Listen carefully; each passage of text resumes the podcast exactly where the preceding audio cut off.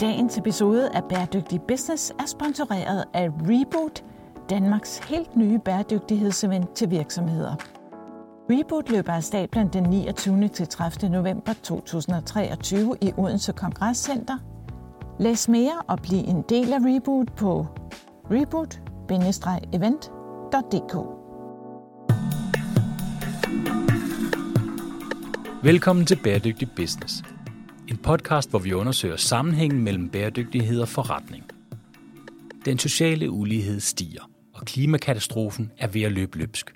Konsekvenserne af biodiversitetskrisen og kollaps af økosystemer er ganske uoverskuelige. Men vejen ud af problemerne er, at vi laver en verden, hvor bæredygtighed kan betale sig. Mit navn er Steffen Marksø. Jeg er forfatter og foredragsholder og direktør i konsulenthuset Sustain Business. Jeg taler med førende eksperter om, hvordan bæredygtighed kan gøres til god forretning. Velkommen til Bæredygtig Business, Peter Byrjøl Jensen. Du har jo skrevet en øh, Ph.D. om cirkulær økonomi, kaldt øh, Design to Last. Og jeg har jo holdt lidt øje med dig på LinkedIn. Og i den forbindelse, så kan jeg godt se nu, at din Ph.D. er færdig, og vi har skrevet lidt frem og tilbage. Og cirkulær økonomi er noget, der jo virkelig interesserer øh, mig personligt rigtig meget, men er virkelig også noget, som vi taler rigtig meget om i samfundet lige nu. Så derfor så kan vi jo godt folde den lidt ud igen, fordi det er jo noget, vi har talt om nogle gange i Bæredygtig Business. Men Peter, vil du ikke selv lige give os et par ord på, hvem du er, udover at du har skrevet en Ph.D. og bor i Malling, hvilket jo næsten siger alt, men, men, men du må godt fulde lidt mere på.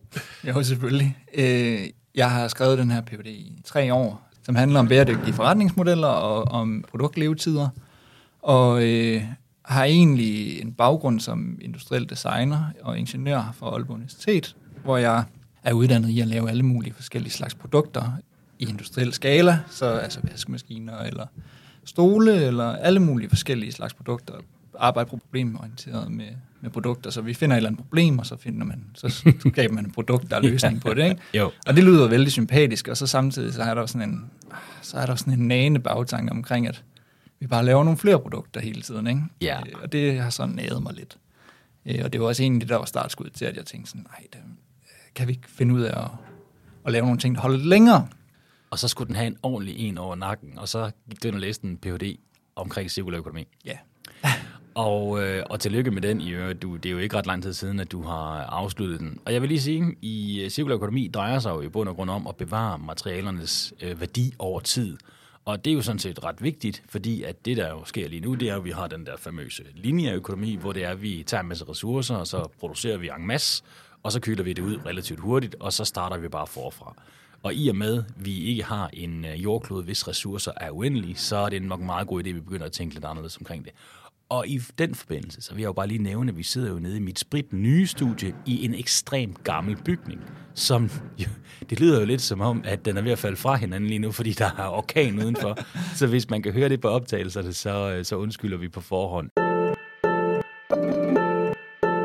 Altså selve din vinkel på din Ph.D. omkring cirkulær økonomi. Fortæl os lidt omkring den. Øh, ja, da jeg først begyndte at kigge på det, så havde jeg ligesom en tanke om, at det handlede hovedsageligt om at lave ting, der, der holdt længe fysisk. Altså stærke produkter. Noget, der er solidt, noget, der bare, det går bare aldrig i Ja, stykker. ja og så, så går der ikke så lang tid, når man tænker ud af den tangent, til man tænker sådan, ah, men, og det handler nok også om, at de materialer, man bruger, skal nok være sådan, det er nok de materialer, som, det er nok en fordel, hvis det skal ligne stålet, så er det stål. Hvis det skal være træ, så skal det også være en relativt god træsort og så videre. Alle sådan nogle overvejelser. Og så jo mere jeg dykkede ned i det, jo mere gik det op for mig, at, at der var et element af, at alle de her ingeniør- og designfaglige ting, øh, både sådan emotionelt og æstetisk, og, og også sådan konstruktionsmæssigt, som skulle være opfyldt. Men der var også øh, en kæmpe stor rammefortælling rundt omkring, som er skabt af de virksomheder, som, som sælger produkterne. Hvordan bliver de bragt til markedet osv.? så? Jo, fordi det er jo nemlig rigtig interessant, for umiddelbart kunne man jo godt tro, hvis man ikke lige har, har dykket så meget ned i det, så tænker man, jamen vi skal jo bare designe nogle produkter, der er virkelig holdbare. Så har vi ligesom løst det. Men det er jo slet, slet, slet ikke øh, vejen frem. Eller i hvert fald ikke tilstrækkeligt. Selvfølgelig skal de kunne holde. Men noget af det, jeg også synes, der var spændende om det, vi talte om, det er den her emotionelle værdi. Udfordringen er jo, at vi bliver jo også påvirket til hele tiden at vil købe nye ting. Der kan man sige, fast fashion er jo et ekstremt godt eksempel på det her med, at der er så mange forskellige moder. Altså, de har jo fået bildet os ind, at når den bluse, du købte i tirsdags, den er altså en måned efter, så er den, så er den yesterday's news. Og det er jo vildt nok, fordi de t-shirts eller de bluser, de kunne sandsynligvis godt holde i længere tid, men de bliver bare ikke brugt længere tid. Så der er også en kulturel problemstilling i det her. Ikke? Vi simpelthen bare kyler ting ud og køber noget nyt. Ja, og tekstilbranchen er virkelig en, en liga for sig selv. Det er jo vildt nok, at de får os bildt ind, at vi skal skifte det tøj ud hele tiden. Øh, men lad os også lade den ligge, fordi det er faktisk noget, jeg kommer til at gribe fat i en særskilt podcast. Fortæl os noget mere om, øh, om dit take på cirkulær økonomi. Jamen altså, hvis man ser på de her virksomheder, øh, og dem, der er dygtige til det, og hvordan de agerer, så er der ligesom et sæt, et sæt approaches, eller sådan et sæt spilleregler, som de øh, og mantra, som de sætter op for sig selv, for at kunne agere på den måde, de gør, og for at kunne sætte sig i, i den position i de markeder. Og dem har jeg været inde sådan og kigge på, hvad er det, hvad er det de her virksomheder, hvad er det de individer i de her virksomheder, de gør for at kunne lave god forretning på at lave langtidslevende produkter. Øh, altså ikke kun sådan forretningsmodelmæssigt, men i høj grad også, øh, hvad er det for nogle paradigmer, de ligesom lever under, øh, som, eller øh, ja, benspænd, de sætter for sig selv, for at de netop kan agere i det her. Det er klart, der er en masse sådan tekniske øh, ting. Og, som, Det er det som, der med, om det holder fysisk Ja, og ja. ordentlig konstruktion. Og... Lige præcis. Og så er der, så er der især øh, nogle hollandske forskere, som har kigget rigtig meget ind i det her med den emotionelle levetid. Det handler jo om, hvor længe har man lyst til at beholde tingene? Hvor længe er jeg knyttet så meget til produkterne, så jeg har lyst til at beholde dem? Man kan være knyttet på mange måder. Ikke? Man kan både være knyttet, så man, når man har købt en Apple-computer, så øh, beholder man papkassen øh, inde i skabet, selvom den egentlig ikke skal bruges til noget. Ja. Altså, det kan man sige, den, den har en ret høj emotionel levetid, og uden overhovedet at have nogen funktion. Det er jo sådan lidt halv og halv. Men man kan også øh, have den emotionelle levetid, at man, at man har lyst til at beholde produkterne længe, fordi at de skaber en masse glæde for en. Må, må jeg lige stille Ja. et spørgsmål, for det synes jeg er så spændende. Og og det kan godt være, at det er bare mig, der har en fordom, eller det siger mere om mig, end det gør om, øh, om hvordan det reelt er. Men korrelerer det at have en emotionel værdi ikke også med produktets pris? Det er en af faktorerne, jo. Altså fordi det der med, hvis du køber noget til altså et, et bord i IKEA til 39 kroner, IKEA gør ret meget godt, så nu skal det ikke være hate på dem overhovedet. Øh, de gør faktisk rigtig meget. Men, men øh, hvis du køber et, et, sofabord til 39 kroner, det er vel svært at tale om emotionel værdi. Så skal det være fordi, at ens barn er blevet undfanget på det her bord på et tidspunkt. eller- Jamen, det er jo ikke engang... Det er jo, så kunne det vel godt være, ikke? Men, Ja. men prisen er vel en faktor i forhold til det. prisen er en af faktorerne, ja. Der er sikkert flere, men en af fem faktorer. Nej, prøv at det, da jeg sagde undfanget, er, undfanget, er det in the act of love, eller er det, når det er, der bliver født? det er sådan noget, det ved. Nå, det, det sidder jeg lige og overvejer. Uanset hvad, så er det i hvert fald pris er, er noget, der spiller ind, men det kan også være nogle andre begivenheder. Begge, begge dele kan vel på en eller anden måde skabe en... ja, en emotionel værdi. ja, ja. Og, og jo dyrere tingene er, jo bedre passer vi også på dem, statistisk set. Ikke? Altså. Men der er også en masse andre faktorer, for eksempel minder, som du selv kommer mm. ind på her. Ikke? Har vi en eller anden form for minde på dem? Ja, det var, det var mormors sofa. Det stod altid i sommerhuset. Ja, det er så faktisk en anden, fordi det er, en, det er nostalgi. Okay. Øh, altså det handler om, om har vi en eller anden form for nostalgisk forbindelse til det. Jeg har selv et ur, som er min farfars. Det er ikke nødvendigvis, fordi jeg har nogle minder sammen med uret, sammen med min farfar. Men det minder mig om min farfar. Ah, okay. Så minderne er, den, altså er, er nogle begivenheder, der sker, Ja. hvor det er det andet, det er knyttet op på en eller anden begivenhed eller en person. Det kunne det være, altså man kan sige, minderne kunne være, at man beholder sin gamle backpack, for man har været ude at rejse, og Mm. så ligger alle ens rejseminder på en eller anden måde parkeret i den, og derfor beholder man den. Selvfølgelig, det giver mega god mening. Ja, det var, det var de tre af dem. Så er der også sådan noget som, at det er behageligt at bruge. Altså, hvis det bliver ved med at være god at bruge. Øh, og det er jo noget af det, vi ser med mange produkter i dag, at lige pludselig så bliver de lidt træge og trælse at bruge, og så er vi ikke helt så glade for dem, passer ikke helt så godt på dem længere. Ikke? Nej, nej, det kan jeg godt følge det der med your trusty old backpack. Ikke? Ja. Altså, den, den kan du altid have med, den har været igennem alt muligt, og, øh, og den virker bare. Ja, ja, ja man kender kan- hver en lomme, Ja. og, og den går bare ikke i stykker, den kan holde til, at jeg kaster den ned ad skrænten, og Ja. så videre. Ikke? Og hvis den endelig går i stykker, så køber man en ny af samme mærke, og så videre. Yes. Og så den sidste, det er, at man kan spejle sin personlighed i, i produktet. Og det kan jo både være, fordi det er et brand, man prøver at identificere sig med, eller sætte sig i klub med, ikke? Altså, uanset om det er bil, eller om det er computer, eller om det er tøj, eller hvad det nu er, man vælger. Så Det kunne måske være, kunne det være Patagonia måske, hvis man synes, at deres øh, øh, way of life, eller way of working, eller hvad man skal sige, det er, er super fedt. Så connecter man lidt til det via deres øh, brand. ja, man kunne, man kan se det med alle brands i princippet, ikke? det er nogle bestemte, der vælger at købe en Mac frem for en PC. Det er nogle bestemte, der vælger at købe en PC frem for en Mac. Det er også nogen, der vælger en Android frem for en, en iPhone, ikke, og så videre. Alle de valg, man tager med de produkter, man køber, er jo en eller anden form for personlighed. Og nogle produkter resonerer bedre med den personlighed, man selv synes, man har, end andre, og, og derfor så forbinder man sig også nærmere til dem. Og, og ligesom det, så kan man også se, at der er rigtig mange, der putter for eksempel klistermærker på deres computer. Og selvom man måske tænker sådan, oh, det er også sådan lidt åndssvagt, det synes man også selv, når man gør det i øjeblikket, men, men, men det med at, at, at personalisere eller produkterne, det, det giver øh, sådan en, en form for, jamen den er mere mig, det er min.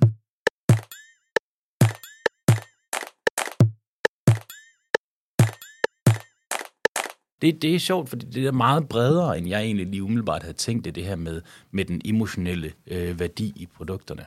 Ja, altså, det, det er i hvert fald enormt spændende, og man kan sige, det er, det er noget, som man umiddelbart kan tænke, hvordan kan man designe ind til det? Altså kan man, det er jo, det er jo næsten umuligt, ikke? Det var præcis det, jeg sad og tænkte. Ja. Fordi hvordan fanden designer man ind til det? Ja, og det kan man faktisk godt med rigtig mange af tingene. Altså selvfølgelig så kan man lave noget, som er lavet øh, specifikt til at det, at, at det er rigtig dejligt at bruge. Altså user experience, ikke? Altså, Klar.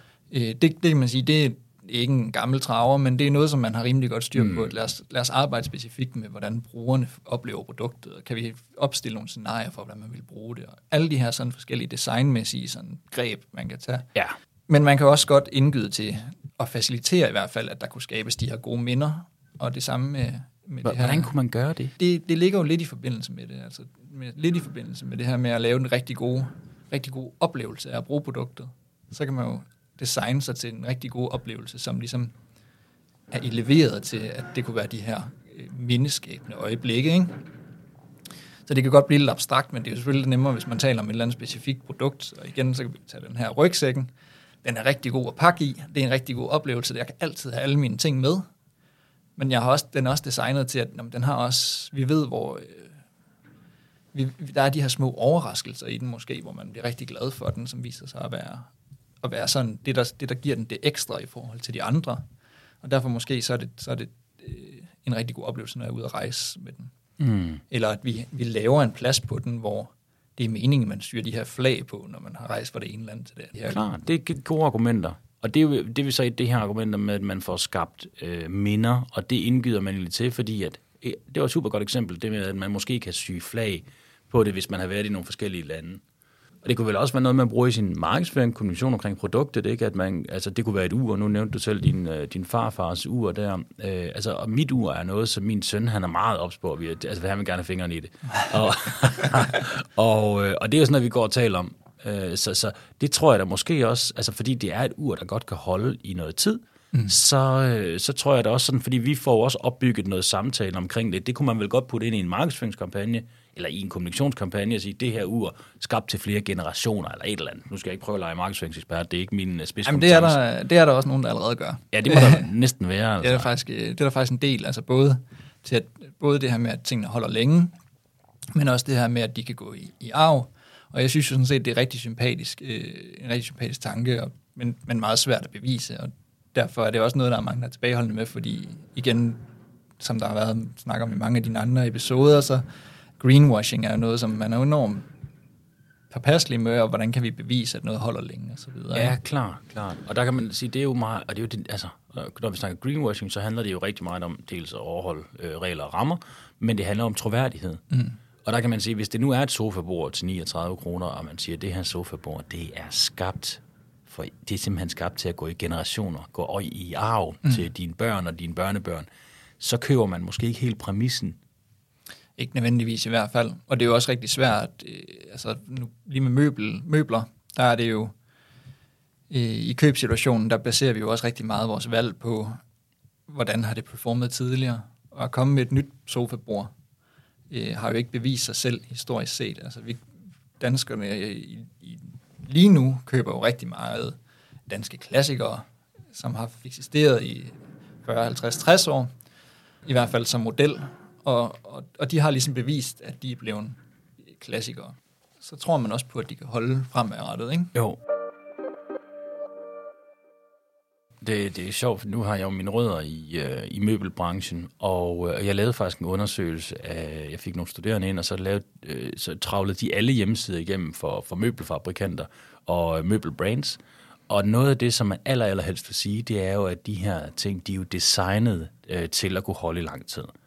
Og det er jo nemlig det, der er udfordring, fordi det kan du sagtens sige, mm. og så kan du jo godt claim en vis form for cirkulær økonomisk tænkning i dit produkt, men det er bare ikke bevist over tid. Nej. Men principielt kan det jo godt være rigtigt, fordi det er jo ikke fordi, de møbler, de forgår, men de har bare ikke bevist over tid. Altså går du op på Aarhus Rådhus, så vil du se, at der hænger jo de samme møbler, som, som der øh, blev hængt op og blev sat der i, øh, lige, lige efter 2. verdenskrig, så de er jo kraftet med, jeg ved ikke, hvor mange år gamle. Og det er jo PH-lamper, Paul Kærholm-møbler mm. osv. Altså, de har jo bevist det. Men det vil sige, det argument, det skal man da passe på med at komme ud med, når man netop ikke har bevist det. Så er det vel kun gamle klassikere, der kan sige det.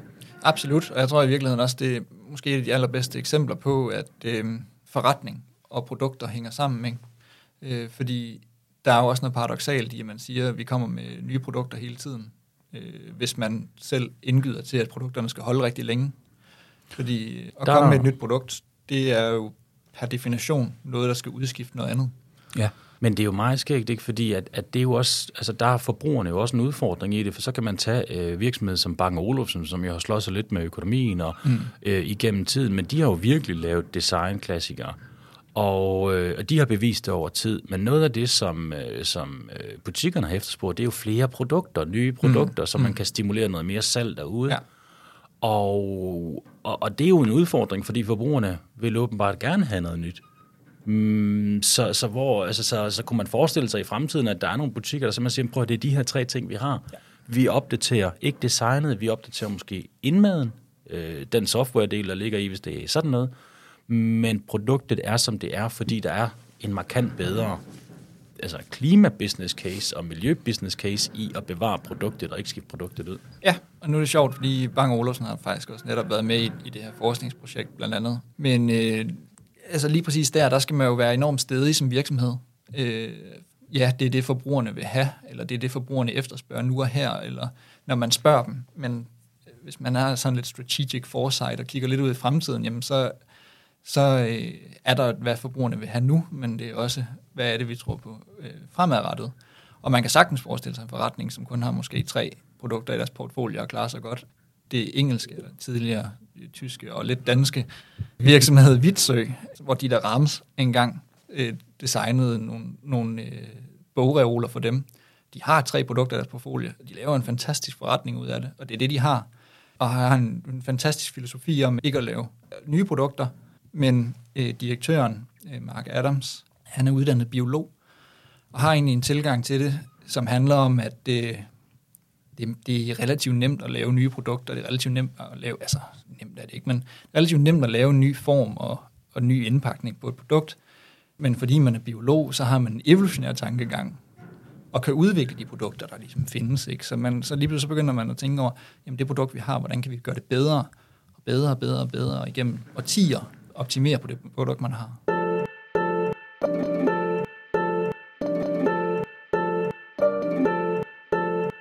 Altså noget af det, man jo taler rigtig meget om, det er jo, når virksomheder, de, altså, så kommer de frem med et eller andet. De har måske verdens bedste skjort, øh, påstår de selv. Ja. Den sælger de rigtig mange af. Vupti, så gik der lige to år, eller halvanden år, så havde de også verdens bedste bukser. Og i øvrigt strømperne, der matcher, og nogle nye sko på vej. Ikke? Så, og det er jo fordi, vi er inde i det der vækstparadigme. Mm. Og det er jo nok også i høj grad stimuleret af, at, øh, at forbrugerne de har bare lært, at de skal have nye ting. Men det, der var spændende, og som du også er inde på, det er jo, hvad sker der, når forbrugerne lige pludselig begynder at tænke anderledes? Og, øh, og der tænker jeg, at der må data jo også spille en rolle, fordi lige nu, når vi køber noget, så er vi jo reelt ikke klar over, hvor meget det belaster planeten. Men i takt med, at vi begynder at få øh, LCA og livscyklusanalyser på, på alle produkter, og vi begynder rent faktisk at kunne se, hvor meget det belaster planeten.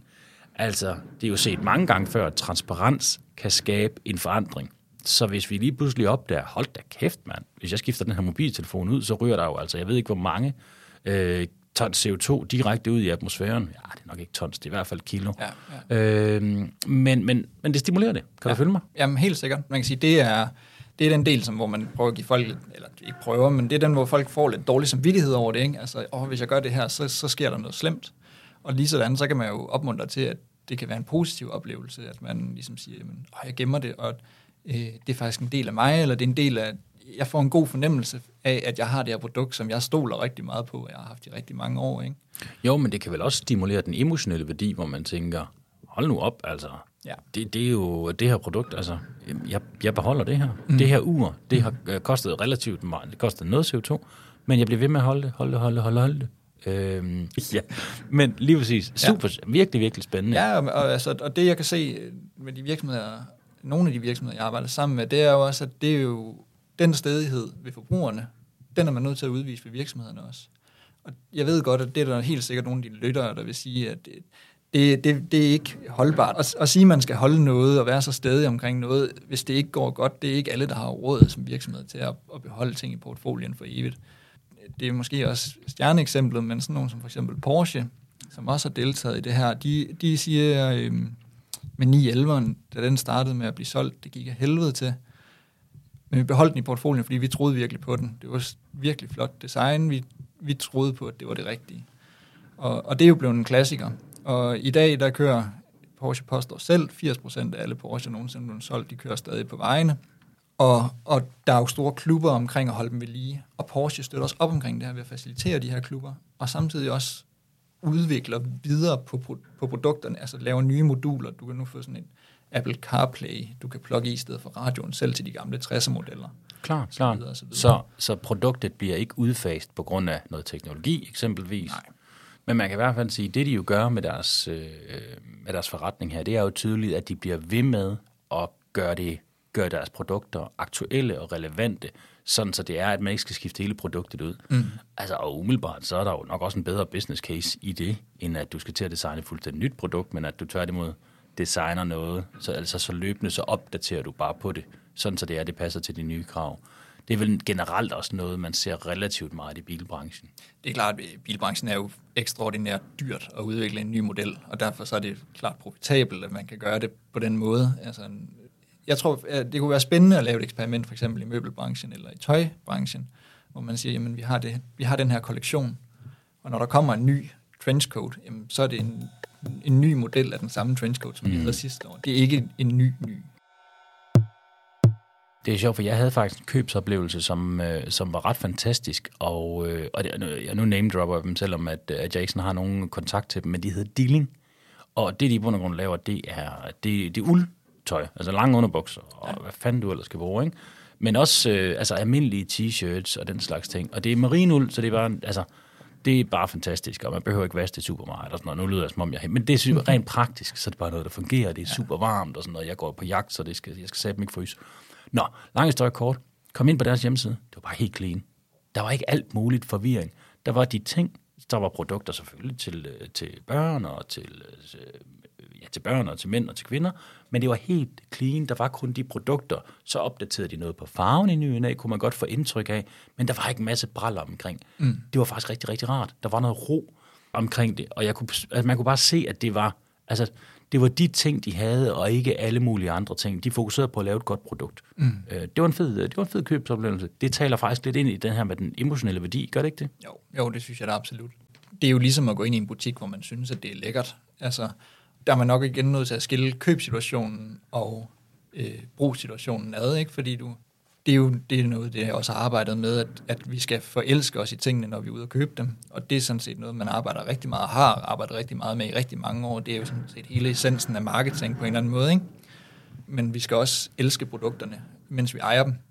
Og det er den meget svære del. Ikke? Altså, som regel så køber vi noget, og vi er pisseglade for det, når vi køber det. Og det øh, er super lækkert, og det, alle reklamerne, der står det som om, hvis du, hvis du ser en eller anden... Øh, en eller anden sofa, så står den jo som om, den er lige kommet ud af fabrikken med ja. alle reklamerne. Ikke? Så det, du forelsker dig helt vildt i den, og i det ja. der univers, der bliver tegnet omkring den. Men der er ikke, øh, der er sjældent, at det bliver vist, når produkterne har været brugt, og når de er slidt, og så videre. Øh, og det er jo der, det er der, når de når derhen, at vi sådan ligesom skal have, altså vi skal elske produkterne. Det er, fandme, det er et godt eksempel. Det er virkelig et godt eksempel, fordi så får man, man skal høre kunderne til at elske produktet, for at de køber det. Men man skal have dem til at elske og bruge produktet, for at de beholder det. Og sjovt det der med sofaen, ikke? så ser man den der på billedet, alting perfekt, den kommer ind i stuen, fuldstændig perfekt. Og så begynder den at blive lidt smadret med noget med nogle pletter, og man ved ikke helt lige, hvordan man skal rense den, uden at man kommer til at lave de har du prøvet det der med, at der kommer plet på en sofa, og så prøver du at rense det, og så Ja, ja, ja. ja. hele den plet, du rensede, den er så lige pludselig meget lysere end resten af sofaen. Så har man jo givet markedet, ikke? Men, men det var måske et meget sjovt eksempel, særligt når man tænker på, at sofa er jo noget af det, som der bare bliver produceret en masse og kyldt ud. Mm. Altså, det, det er, altså prøv at gå hen og se, hvad en brugt sofa den koster. Det er jo ingenting. Altså, og du kan købe en sofa, og den taber jo altså, minimum 50% af værdien i det øjeblik, du har pakket den ud. Det er jo noget, som rigtig mange designere glemmer at tænke ind. Altså, øh, jeg håber, at flere og flere begynder at tænke ind, men, men som man glemmer lidt at tænke ind, det er jo, øh, hvordan kan vi egentlig designe til, at de her ting er okay, at det er okay, at tingene ældes, og hvordan ældes ting med ynde, øh, fordi vi ved, at der bliver spildt på sofaen, og vi ved, at hvis der er noget, der er kover, så irer det, og, og det bliver plettet med tiden. Og vi ved, at træ, det skifter farve med tiden, altså at, at fyrtræ er lysere til at starte med, og så bliver det mere rødglødende. Og hvorfor er det ikke okay? Altså hvorfor er det, at vi ikke kan, kan designe til, at det i virkeligheden er, er meningen, at det bliver smukkere med tiden? Det er jo klart, men det er også lidt en udfordring, ikke? Fordi kunderne, altså i worst case, så ender du jo med at designe, eller fortælle om dit produkt på en sådan måde, at man forelsker sig i den der lidt brugte udgave. Mm. Og når du så får det, så skal du lige vente på, at coveret irer, og at træet øh, skifter farve, og den slags ting. Men, men det er jo det er meget, meget interessant, hvordan det er, man kan designe til, øh, altså til, at man holder af produktet, også når det bliver brugt. Og der er jo den der japanske tradition, vi også talte om, øh, hvor det er, da vi talte sammen tidligere, hvor øh, at, jeg har kun set det på Instagram, øh, hvor, hvor altså, så er det en skål, der går i stykker, men så når man lapper den, så i stedet for at bruge usynlig lim, så bruger man guld, mm. eller noget, der minder om guld, for at det netop se, altså man kan se, at, at der er noget historik, den har engang været i stykker, nu har vi samlet den igen. Og det kan man jo godt sætte sig ind i, at det jo faktisk er rigtig, rigtig fedt. Og hvis man kigger på moden lige nu, det der sprit nye noget, hvor det er, at det glimter lidt for meget af plastik med forskrigende farver og sådan noget, det er altså på retræte til fordel for mere organiske ting og, og den slags. Ja, der er klart en, et større fokus på kvalitet også i, i, i tøjindustrien og så videre. Ikke? Og, og det der med, at, at tingene godt må, må ældes med ynden, eller hvis det går i stykker, så er det måske i virkeligheden en del af historien, og man, man embracer det frem for at, at skjule det. Altså, det, kan være en, det kan være en kæmpe stor force, hvis man kan bygge det ind i sin produkter. Altså, de, japanerne har, sådan traditionelt set har, har det her kintsugi med, og hvis tingene bliver skåret, at man så limer det sammen med, med lim med guld i. Kan du fortælle noget mere om, hvordan man sådan forretningsmæssigt kan bygge det her ind i sine designs? Fordi det der, det er jo en fed tradition, men det er jo, det er jo, det er jo en svær en at få, få skabt, mm. øh, hvis man bare sidder i virksomheden og designer efter det. Men, men det er måske, fordi jeg ikke ved så meget om det. Nej, men det, det tror jeg, du er helt ret i. Altså, du har, som nu, nu har vi snakket meget om det, og du kan høre, at en stor del af det ligger ved designer, ingeniører og udviklere osv. i virksomheden. Der ligger jo også en kæmpe stor del øh, i den forretning, der ligger rundt omkring. Og det er nok mere at få skabt det rum og få skabt de spilleregler, som kan gøre, at man, at man kan udvikle det. Selvfølgelig er der, øh, som du har talt om i nogle af de andre podcasts, så handler det også om, at man, man opfordrer sine, sine medarbejdere, man, man skaber et rum, hvor de ligesom kan udfolde nogle af de her værdier, som, som, og, og kan dele de her værdier. Det er jo ofte sådan en champion, der sidder i virksomheden, som har den her store drøm om, at, at bæredygtighed er det, er det vejen frem, og, så, og så, så smitter det af på de andre, hvis man lever det nok, ikke?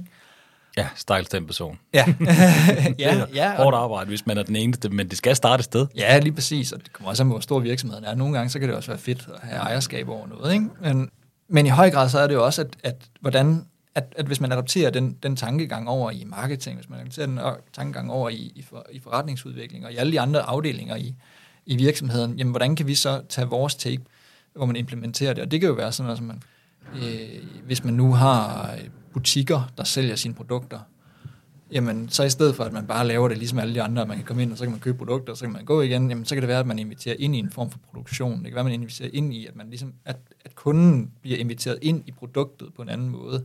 Det er klart, det skaber en, en, øh, en bedre relation til produktet på en eller anden måde, at man har set, hvordan det er blevet skabt. At, man, altså, at det ikke bare er noget, der kommer i en kasse, og du lige putter på, og så, mm. hvis det går i stykker, så er det ligegyldigt. Ja, ja, og det samme med produkter, der bliver, altså hvor, man, hvor kunden selv skal samle dem, det er jo også, hvad skal man sige, et take, man har taget, både fordi, at det logistisk er billigere, hvis man kan flatpack tingene, men det er også fordi, at man lige pludselig kan give forbrugeren en oplevelse af at samle tingene, man ser detaljerne. Det der med, at sædet lige er hævet 5 mm øh, over, over benene, og det skaber sådan en, en form for skyggenot, jamen det ser man ikke som almindelig forbruger. Men når du samler tingene, så bliver du tvunget til at se de der detaljer, og tvunget til at se de overvejelser, som, som designeren har gjort sig. Ikke? Det er jo meget sjovt, når man tænker på, at øh, altså alt det der... Altså jeg har jo faktisk IKEA-ting, jeg har samlet. Og jeg er jo ikke den store håndværker, i modsætning til, hvad folk måske går og tror. det, det tror jeg faktisk ikke, nogen folk det tror. Men, men, men så har jeg samlet et par små ting derhjemme, blandt andet, og nu, nu lyder det helt banalt, men det er sådan en, en, en, en trappe, øh, sådan en, øh, en skammel ting. Jeg er faktisk meget glad for den, mm. fordi jeg har selv samlet den, og jeg har selv malet den. Og ved du hvad, jamen, så, så er man jo blevet en del af produktet. Og hvor ja. det er, at jeg tror rigtig mange af os tænker, ah, det er lidt nitten, det der med at skulle samle et IKEA-møbel, ikke? og man mm. kommer altid op og skændes med konen omkring det, og den slags ting. Men der faktisk også kan være plusser ved det. Ja. Ja. Og man kan se de der små designfinder. Det, det synes jeg er virkelig spændende. Ja, og det, jeg tror da også, det er en stor del af, af hvorfor at, at Lego har så stor succes lige nu med, med de her voksen ting. Altså, det er selvfølgelig rigtig hyggeligt at sidde og samle, og dejligt sådan send. Og, og modellerne bliver også flotte, når de er færdige. Men, men det med, at man kan se op på hylden, at den der store ting, som ligner noget fra en mm. anden film, jamen, den har jeg, jeg har selv lavet den. Ja, klart. Det, det, lige nu, hvor du siger det, så det har du selvfølgelig fuldstændig ret i. Men der er jo også den der relationsskabende i det, ikke? Altså et, der pakke et rumskib ud, der er flot, men noget andet, der pakke et rumskib ud, der er i 4.000 brikker, du sidder og samler med din søn, eller med din far, eller med din mor. Man møder jo stadigvæk mange voksne, som har, altså de har deres gamle Lego. Mm. Og, øhm, og, og det er jo fordi, de har, altså det er jo også gode legeoplevelser, der er gemt i den sæk der, mm. og de gerne vil overdrage den videre til deres børn. Øhm, så, så, det, så det er jeg da helt sikker på, at det er jo ikke bare små stykker plastik, det er jo legeoplevelser. Ja. ja. Øh, det, og det synes jeg da på mange måder er ret fint, ja. øh, i hvert fald i den her kontekst. Ja. Så hvis man skal sige, hvor skal vi starte henne som virksomhed, jamen så ligger der egentlig et bund, en, en bundopgave i, at man siger, at vi laver nogle produkter, der holder rigtig længe. Altså ligesom Lego, vi laver nogle klodser, som øh, de går bare ikke i stykker, de kan holde for evigt. Om folk de vil beholde dem, det ved vi ikke endnu. Det er nok ikke vidst, dengang man begyndte at lave Lego-klodser, vel? Men mm. en god type plast, en sindssygt høj tolerance. Det er et produkt, der bliver ved med at være på markedet. Altså virksomheden tror selv på klodsen. Mm. Den passer sammen i det system. Alle de nye produkter passer sammen med de gamle produkter. Mm. Der er alle de her sådan forskellige parametre, som kan gøre, at man har lyst til at beholde tingene ja. længe. De er jo i, i Lego-klodsen, mm. også fordi det er så simpelt et produkt. Ikke? Men, men det er ligesom bundniveauet. Og så oven på det, der skal så ligge en forretning, som understøtter det her. Og det kan man så gøre ved at sige, jamen, ja, vi laver nye serier, som øh, betaler sammen med de gamle serier. Så når du ikke kun at klodserne passer sammen, men, men hvis du har Star Wars, det her skib, så passer den også sammen med det her skib, mm, og lige pludselig skal du klar. et eller andet. Ja. Alle de her ting. Vidste du jo godt, at Lego-klodser engang var lavet træ? Nej, det vidste jeg slet Nej, det er, er det, det Ja, det er meget sjovt. Men det er, det er jo et svære materiale at, at skalere, altså ja. i modsætning til at støbe dem i, i, i plastik. Tolerance øh, og, Nej, to, helt sikkert. det, altså plastik er også et mere holdbart materiale. Ja. Så har det lidt andre åbenlyse øh, udfordringer. Ja. Men, øh, men det er meget sjovt. Det er faktisk lavet træ i gamle dage. Kan du, øh, kan du her til allersidst, kan du slutte lidt af med at fortælle os et par gode råd til, øh, til de produktionsfolk, udviklingsfolk, der sidder derude og gerne vil integrere noget af det her, nogle af de her tanker om emotional design ind i deres produkter. Hvordan går man til det? Ja. Det er en stor opgave. Ja, det er det. Det er også et svært spørgsmål. Ja. øhm. Jamen, du har også en PhD, så det vil jeg sige. jo, jo. Jamen, det handler i høj grad om at, at, at starte på produktet. Altså starte med at lave et produkt, der bare, altså, i min PhD kalder jeg det performance. Altså lave et produkt, der performer ekstraordinært godt. Det er et fuldstændig ekstraordinært godt performende produkt. Det er klart, du skal have et rum i din virksomhed, og en ledelse, og en, en, øh, en afdeling, som, som giver god for, at man tager så god tid, og man giver så altså alle de her rammebetingelser, de skal være på plads, at man giver så god tid til at, at skabe de her produkter men det, det starter med, at man laver noget, som bare er ekstraordinært godt. Ja. Og oven på det, der kan der bygges en forretning, og oven på det, der kan der bygges øh, en, en fælles mental model i virksomheden, mm. som, altså, hvor, hvor alle egentlig ejer den her agenda. Og når man er deroppe, jamen, så kan man drive rigtig god forretning, hvor man hele tiden, hvor alle de beslutninger, man tager, det bliver, selvfølgelig skal vi gøre det her, fordi det er det rigtige i forhold til, at vi bliver bedre til at lave langtidsløbende produkter. Så det starter ved produkterne, og så skal jeg komme op på individerne til sidst. Det er et godt råd. Det er et godt råd. Og jeg tror virkelig også, at, øh, at fremtidens marked, og, og når jeg siger fremtidens marked, så tænker jeg ikke mange, mange år ud i fremtiden, men at det virkelig taler i retningen af de her typer produkter.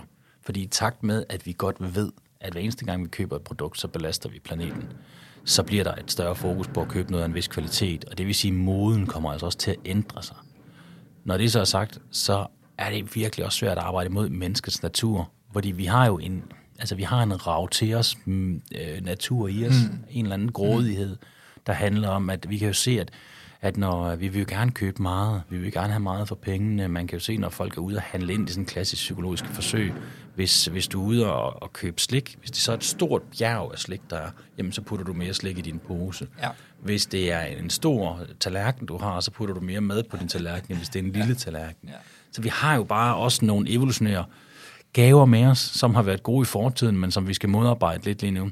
Men der kan man sige, design, æstetik og selvfølgelig uddannelse spiller jo en stor mm. rolle, så man forstår, at det her, altså, det her produkt, de har gjort sig umage, og, øh, og det er flere forskellige årsager. Og man så også oplever det emotionelt, at det er rart at sidde i, hvis det er en stol, og at, at der er plads til, at man, at man kan reparere den, når den går i stykker, og alle de her forskellige ting, som jo også er en del af den cirkulære økonomi. Ja, det er bare lige en sidste note, så, så tror jeg, at den, den der mentalitet, du beskriver der, den ligger sådan set både ved forbrugerne, den ligger også ved virksomhederne og ved de designer, der sidder derude. Der er også et kæmpe stort ønske om at skabe den næste klassiker, øh, eller det næste langtidslevende produkt øh, i alle mulige industrier hele tiden.